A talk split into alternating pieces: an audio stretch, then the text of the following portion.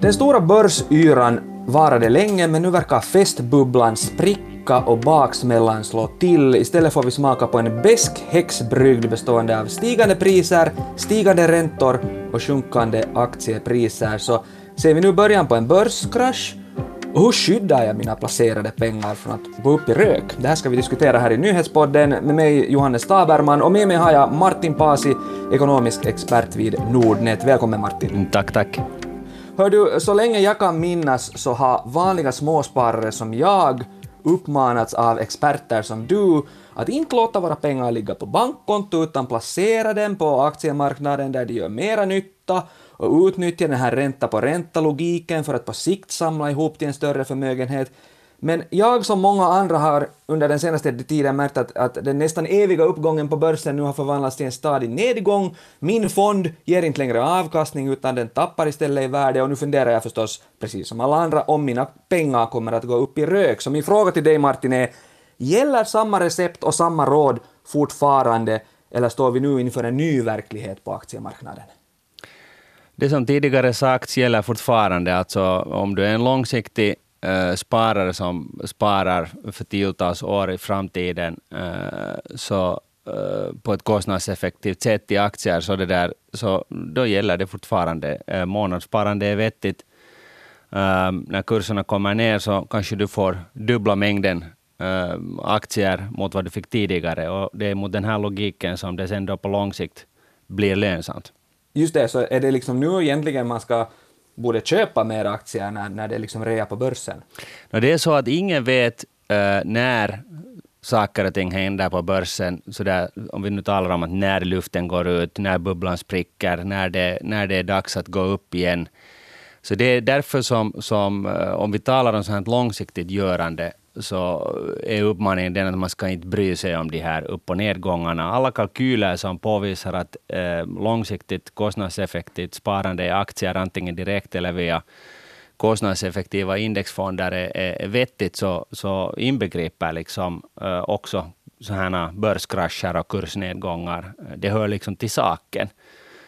Och därför så, så om man har köpt det här liksom konceptet så, så, så behöver man inte liksom heller oroa sig för de, för de, här, de här sakerna som vi ser nu, utan, utan man förhoppningsvis har då um, liksom insett att det här är, aktiekurser går upp och aktiekurser går ner. Och, och mm. emellanåt så ser det ut som att man får enormt fin avkastning, uh, men den är på samma sätt en chimär som det att när ens besparingar är på minus så inte är det heller bestående. Och på sikt så hamnar vi på en avkastning som motsvarar ungefär 7-8 procent i året. Och det är den kalkyl som, som man ofta då har som grund för alla påståenden om att det här långsiktiga görandet är vettigt och lönsamt. Mm. Men jag tänker att under, under pandemin var det ju rekordmånga nya som började placera sina pengar och, och, och, och då var det länge en sån här stadig uppgång. Okej, okay, det, det var en sån här dipp där just när coronan bröt ut, men sen började det återhämta sig stadigt hela aktiemarknaden. Så det är säkert, tänker jag, många som, som inte har varit med på ett sätt om det här förut, att det blir en sån här längre nedgång på, på börsen. Det har du helt rätt i. Vi har haft en i princip 14-årig uppgång och, och, det har ju liksom tagit sig uttryck nog att, att det är liksom eh, var och varannan är, är sparexpert nu för tiden och, och bussar på folk att, att eh, investera och långtidsspara i aktier och, och där i den retoriken så glömmer man lätt bort någonstans det här att det det handlar om långsiktighet och det handlar om, om tålamod och alla möjliga sådana tråkiga saker när börsen då har kanske då avkastat 100 procent på ett år plötsligt. Eh, och då blir det liksom en sån här fartblindhet. Men det oaktat så, så här är det ju att, att, att vad som går upp så kommer ner, men att på, på sikt så lägger det sig på en vettig nivå som ändå är lönsam. Mm. No, men jag försöker fundera, att vad lönar det sig då att liksom köpa eller investera i, i rådande världsläge. Jag menar så här spontant så skulle jag väl kanske investera i olja och vapen om man är ute efter mm. någon form av maximalvinst. No, det är ju inte förstås hemskt etiska placeringar, tvärtom. Vete är ju en bristvara just nu. Vem går det sämst för och vem går det bäst för på börsen just nu, går det att säga? Eh, det går det att säga, men, men eh, det viktiga är att liksom bara slå fast den här grundplåten, att vad du än har, har gjort så här långt så ska du fortsätta med det eh, framöver också. För att om du börjar att liksom hoppa efter marknaden så är det just det vad du gör. Du är hela tiden lite sent ute och du, du, det, det blir inte bra. Liksom. Man ska inte springa efter avkastning, man ska gå emot den. Eh, men om vi då talar om liksom vad som liksom just nu har då gällt, så är det ju förstås det att alla de saker vars pris har gått upp väldigt mycket, så det är ju förstås saker som, som har varit lönsamt att, att investera i. Men nu handlar det om det att vi är liksom efterkloka. Vi tittar bakåt. Det är inte sagt att de här äh, vete, olja, gas, el med meras priser går upp från denna stund vidare. Och då är vi igen liksom annars också inne på det här att det här med timing, att liksom gissa när någonting börjar gå upp från att ha gått ner eller börjar gå ner från att ha gått upp. Så, så det är en sån sak som inte ens specialisterna, eh, proffserna, känner till. Och som du var inne på så lever vi i väldigt intressanta tider för att eh, om vi tänker att vi har gått, kommit liksom 14 år upp med hjälp av centralbankens kvantitativa lättnader, coronastödpaket med mera, så mm. finns det en hel generation 35-åringar som då möjligtvis förvaltar pensionspengar i miljardbelopp äh, och andra pengar i miljardbelopp som aldrig har varit med om en, en vad heter det, stigande ränta, för att inte mm. tala om inflation. Så det är ju, det är ju liksom det, vi talar om att det finns en sån här disruptivt äh, läge i marknaden just nu. Det som har fört oss upp i 14 år trots att ekonomin inte på det sättet har blivit liksom nämnvärt bättre. Så det, det vill säga de här centralbankens kvantitativa lättnader och sjunkande räntor. Så det är slut. Och nu liksom ja. går det åt andra hållet. Nu har vi stigande räntor och avtagande kvantitativa lättnader. Det handlar om att centralbanken skriver in en, ett belopp på sitt bankkonto och så köper de upp statspapper och suger upp från marknaden investeringsobjekt så att de peng, riktiga pengar som mänskligheten skapar eh, måste hitta sig någon annanstans. Och då, då liksom tanken från centralbanks sida har varit den att det skulle gå i, i diverse riktiga investeringar som skulle förbättra på produktiviteten i olika mm. företag och på det sättet förbättra på produktiviteten i ekonomin, vilket som är pudelns kärna i all ekonomisk tillväxt. Och Någon nu, form av konstgjord andning då liksom? No, det är lite så, ja. Mm. Börs, börsfesten liksom och börsyran är över och nu slår någon form av liksom verklighet in och jag tänker att realiteten för många säkert så här med stigande priser och räntor kommer säkert att bli att, att, att många inte längre har råd att placera pengar, spara, spara i aktier, utan tvärtom måste sälja sina aktier för att ha råd att leva nu när allting blir dyrare. Och det här då sker samtidigt som, vad jag nu kan säga, det är inte så bra tid att sälja aktier kanske. Men jag skulle säga så här att du är eh, inne på helt rätt observation. Jag, jag var heter själv är väldigt orolig för läget just nu. Ehm, Hushållen eh, eh, hamnar i kläm på tre sätt. För det första med den höga inflationen minskar på deras löns köpkraft. Så i princip så får alla som inte får en löneförhöjning som motsvarar inflationen på 7,5 procent, så alla som inte får en sån löneförhöjning så får en lönesänkning. Um, sen blir det ju allt, som vi alla vet, har det blivit massor med dyrare att leva. Jag menar liksom mat, uh, energi, bensin, diesel, allting har gått upp. Och, och, det där. och sen samtidigt som också ditt möjliga uh, bostadslån som är anknutet till Euribor, så mm. den går upp. Och, och jag menar, vi var på noll ännu för några veckor sedan, nu är vi uppe på 0,3 och, och det där om du nu har haft tidigare en, en, en, en liksom ett bostadslån där du har bara betalat marginalen, vi ser nu att det för enkelhetens skull skulle vara en halv procent. Så om, om Euribor-räntan går upp till en procent så betyder det att din låneskötselkostnad tredubblas.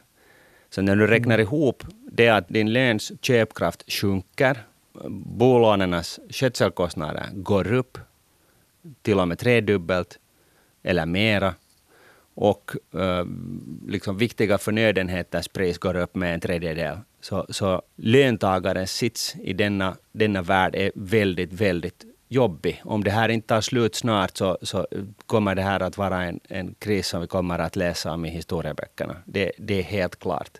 Kan man ta sig ur det här genom löneförhandlingar då? Är det en väg ut? Absolut, du ska vara stenhård eh, med, i löneförhandlingen. Du ska inte ge en tumvika. Eh, du ska kräva att, eh, liksom poängtera att om jag inte får en, en, en löneförhöjning som motsvarar inflationen så är det ju en lönesänkning.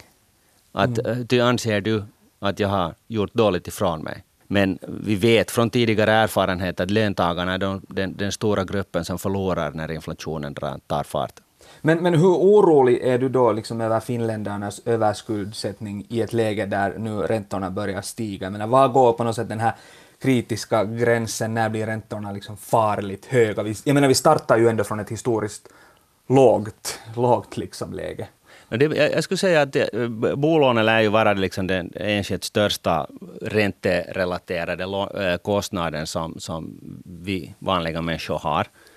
Mm. Och det beror ju helt och hållet på det hur du har dimensionerat din månatliga utgift då när räntan var noll. Men risken är ju att man har tagit lite i så där och man har inte hemskt mycket så att säga slack i, i den månatliga budgeten för några räntestegringar. Och då är det ju förstås liksom eh, potentiellt liksom väldigt jobbigt äh, på sikt. Och, och bara för att komma tillbaka, alltså, eh, har du möjlighet att leva med den här högre räntekostnaden så är det i princip ännu helt okej. Okay. För att om räntan också och din räntekostnad tredubblas men du klarar av den så är realräntan ändå negativ för att inflationen är redan på något 7,5 procent. Så det är i princip så länge vi har negativ realränta så, och, och du klarar av, och det är det här som är det, det stora männet här, men att liksom, givet att du klarar av dina högre månadskostnader så är det fortfarande helt okej. Okay.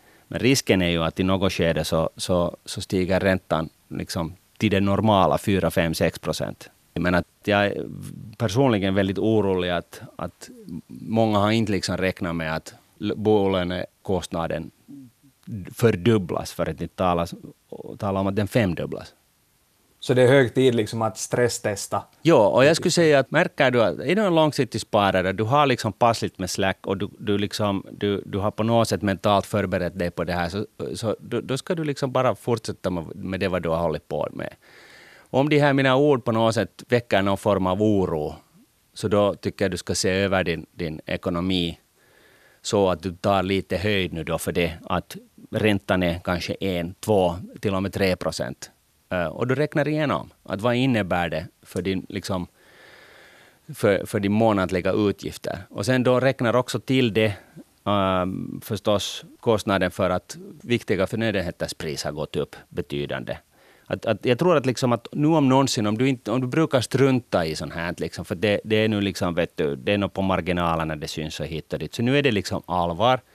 Och jag skulle varmt rekommendera att var och en kollar igenom sin egen hushållning och kollar för hur mycket kostnaderna kan gå upp före det liksom blir kris. För risken är sen den att, att sen när det liksom så att säga blir kris och du måste minska på dina utgifter och, och möjligen du vill byta ner din lägenhet till något billigare, så då är det folk på kö som försöker göra samma sak och då går det inte.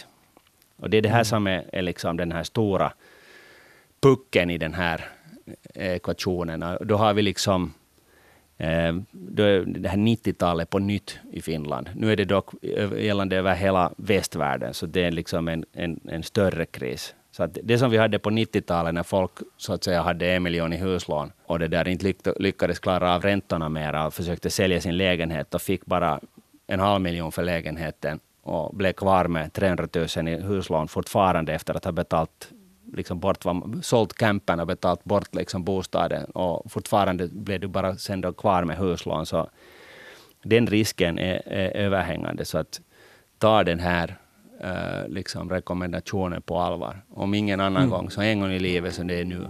Mm. Martin Pasi, ekonomisk expert vid Nordnet, tack för den här ekonomiska analysen av, av var vi står just nu. Tack. Du har lyssnat på nyhetspodden från Svenska Yle med mig Johannes Staberman. Ami Lassila är producent, Mike Grönros sköter tekniken. Fortsätt lyssna på oss.